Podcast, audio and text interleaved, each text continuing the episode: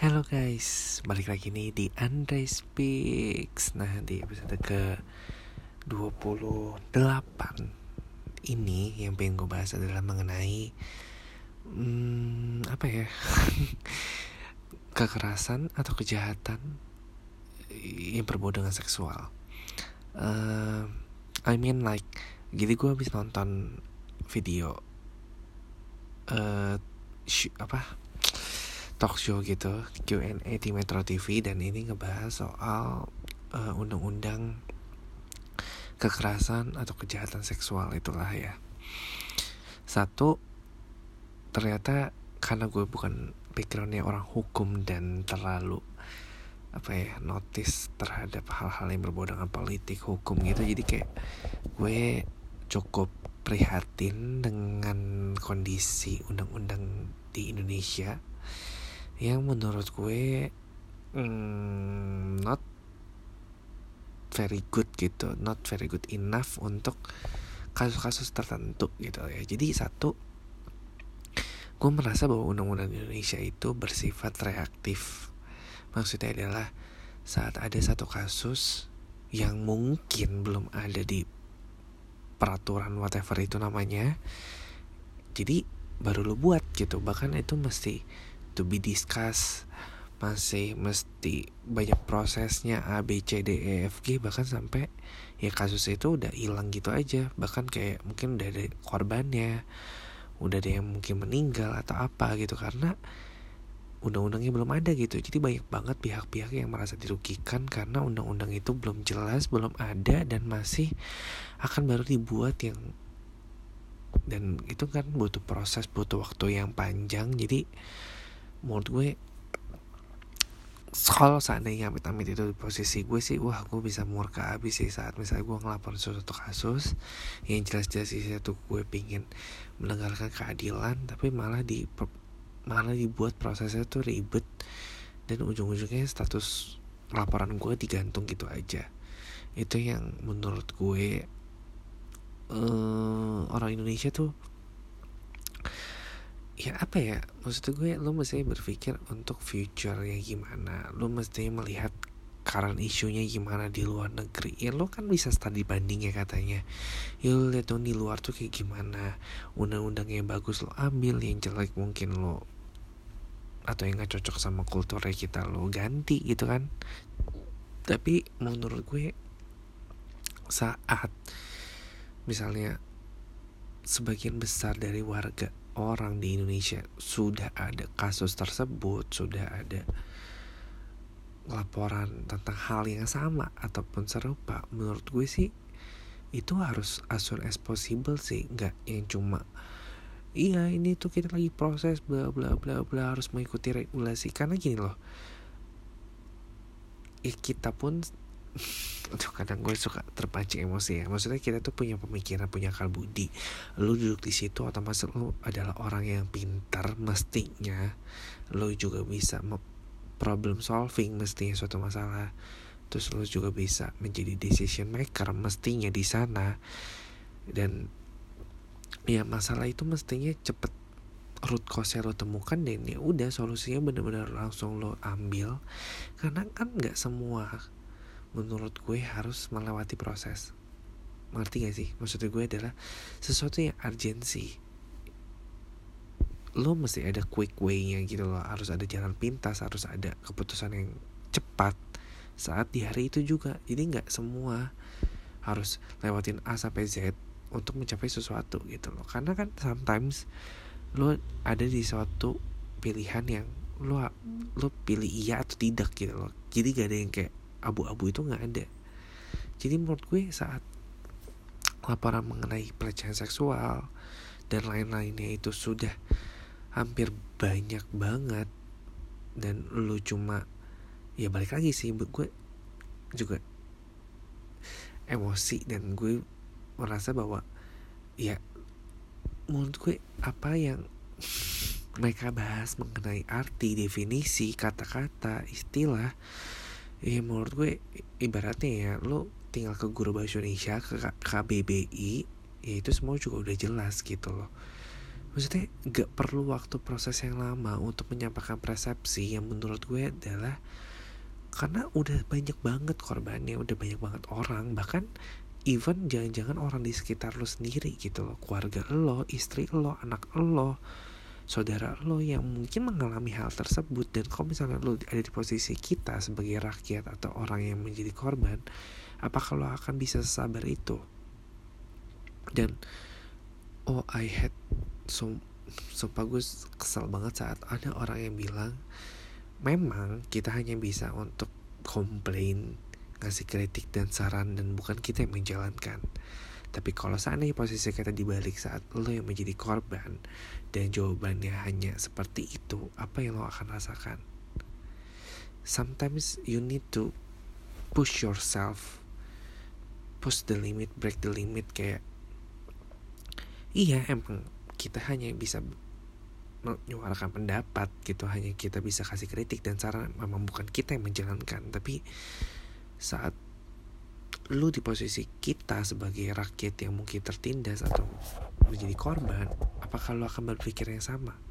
Apakah lo harus bersabar dan menunggu saja sampai undang-undang itu jadi? Bahkan udah tiga tahun, which is hampir setengah periode yang lo habiskan hanya untuk 365 hari lo kali sama tiga tahun berarti ada sekitar 900 hari something. Dan gak ada dan itu gak bisa. Wow. I'm so sad sih. Seandainya itu perusahaan lo terus perusahaan lo udah bangkrut udah banyak laporan dan lo memutuskan itu dalam waktu tiga tahun. Gila sih kayak main blowing banget. Dan apalagi surveinya tuh tiap tahun meningkat kekerasan seksual itu. Dan oh my god kayak gila apa aja yang lo lakuin gitu selama 900 hari? Ya which is gila sih gue sedih banget apalagi saat tahu tiap tahun meningkat.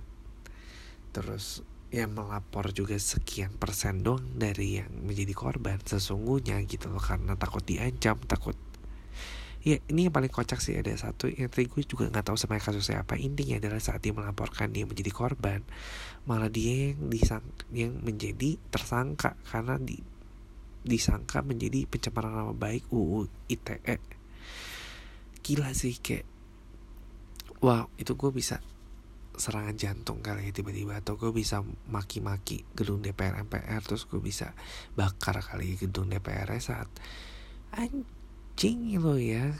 Gue yang ngelapor gue yang jadi korban malah gue yang jadi tersangka.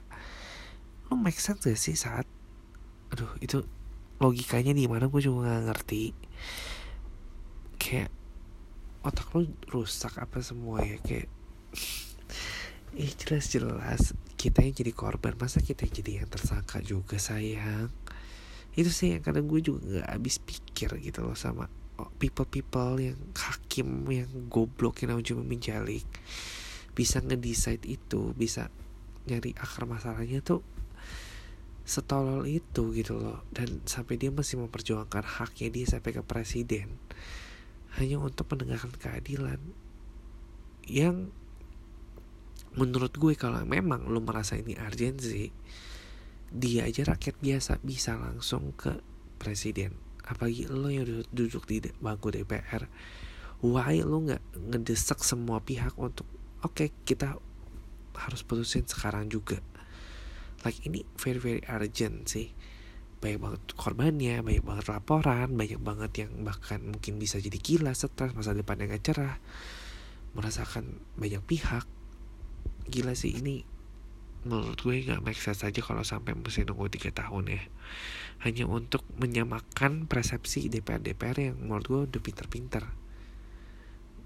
Dan butuh waktu tiga tahun bahkan dua periode karena gak mungkin kan dalam waktu 10 hari mereka bisa nyelesain ini semua. Tiga tahun aja gak selesai pagi 10 hari. Gila sih ini keresahan gue dan uh, bukannya gue menjudge orang atau gue merasa diri gue lebih pintar dibandingkan DPR MPR itu ya tapi balik lagi seandainya lo di posisi kita apa yang lo akan lakukan gitu? Lo juga akan melakukan hal yang sama kan? Lo akan menegak, akan meminta keadilan lo akan melapor lo akan memperjuangkan hak lo. Bahkan kalau misalnya lo stres banget lo bisa jadi gila ya dan menurut gue apa yang dibahas sekarang itu gak make sense aja. Karena menurut gue seksual itu kan sebenarnya di agama juga udah banyak banget keterangannya udah banget penjel, udah banyak banget penjelasannya ya. Which is like aborsi lah ya. Lo bilang takut ada perspektif yang jel yang ambigu yang ada di tengah-tengah. Well like aborsi lo sebagai manusia ini gue tidak berbodong agama mau negara di mana kalau emang lo punya akal sehat dan akal pikiran ya lo pasti bakal tahu aborsi itu salah. Iya gak sih? Kayak gak usah lo tulis di ya ini atau sih bagi gue gak usah lo tulis di undang-undang aja. Ya itu sebenarnya udah salah dosa. Gitu loh kayak gak kalau semua mesti lo tulis di undang-undang itu ya bisa-bisa undang-undang setebal setinggi monas kali ya kalau lo buka. Eh, karena nggak make sense aja gitu loh karena karena kita tuh banyak hukum ya maksudnya. Satu dari hukum negara terus hukum budaya. Maksud gue kayak like budaya kita ya. Budaya kan juga kadang mempunyai peraturan sendiri kan. Dan hukum agama. Like semua tuh udah jelas. Bahkan kalau lo Kristen lo tahu kan ada 10 perintah Allah dan which is itu like only 10 10 tapi bisa men apa ya namanya mewakili semua like ya udah gitu loh. Undang-undang kita udah super duper panjang tapi gak ada satupun yang bisa mendengarkan keadilan soal kasus ini. Mind blowing banget sih bagi gue. Dan di saat ini kan yang menjadi keresahan adalah orang selalu bilang bahwa yang melakukan kekerasan itu selalu cowok. Itu juga menurut gue salah sih karena sekarang banyak banget cewek-cewek gila yang jangan-jangan cewek-ceweknya juga minta untuk dibelai. Itu kan udah gak make sense ya seandainya cowoknya lagi disalahin ya kalau emang ceweknya yang gatel tapi nggak bisa juga disalahin soal misalnya cewek berpakaian. Terus cowoknya nya bilang ceweknya yang salah. Gila kali lo ya.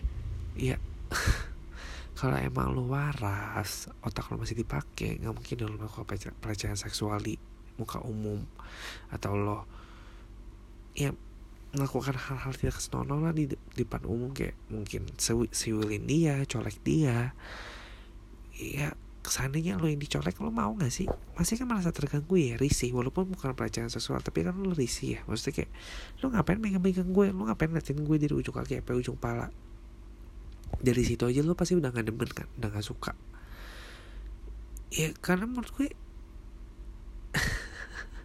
banyak orang gila sebenarnya. Bukan lebih tepatnya bukan karena seksual aja ya tapi banyak banget orang gila yang udah setengah-setengah yang kayak di film Gundala gitu loh udah nggak bisa membedakan mana yang baik dan mana yang tidak gitu loh jadi hal simpel sesimpel itu aja lo ngerasa bahwa itu tuh di di zona yang abu-abu yang which is menurut gue saat lo jalan malam-malam misalnya sendirian terus ada orang yang ngeliatin lo ngikutin lo ngesiwilin lo itu kan udah kayak anggapannya kayak ancaman deh maksudnya kayak lo nggak merasa secure.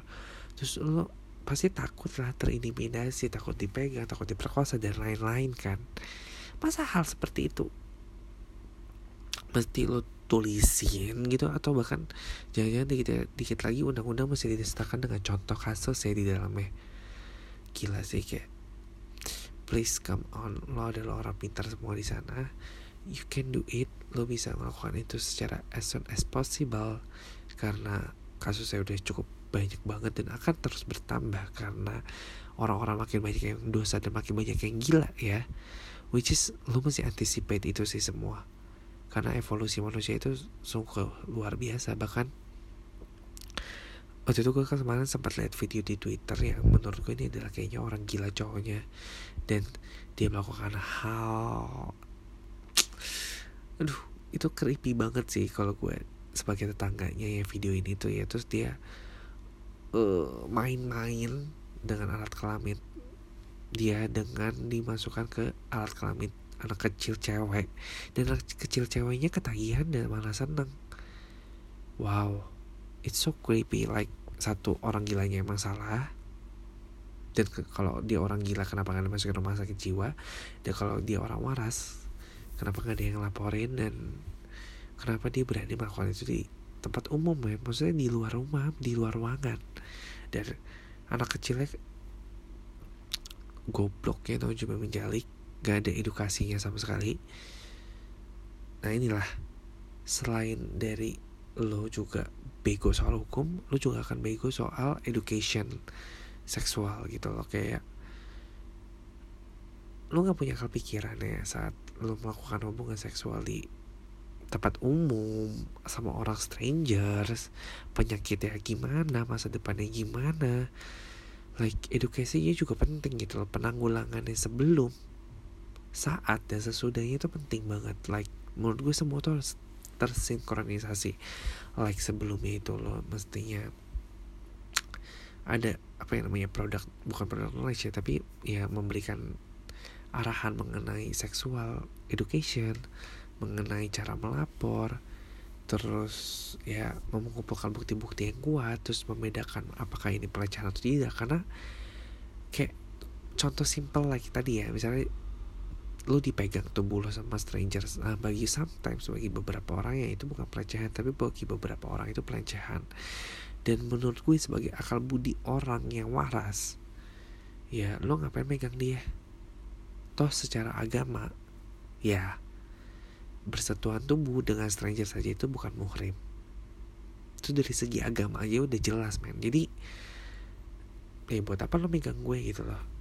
Buat apa tiba-tiba nih gue lagi di mall terus tiba-tiba tiba-tiba gue dipegang.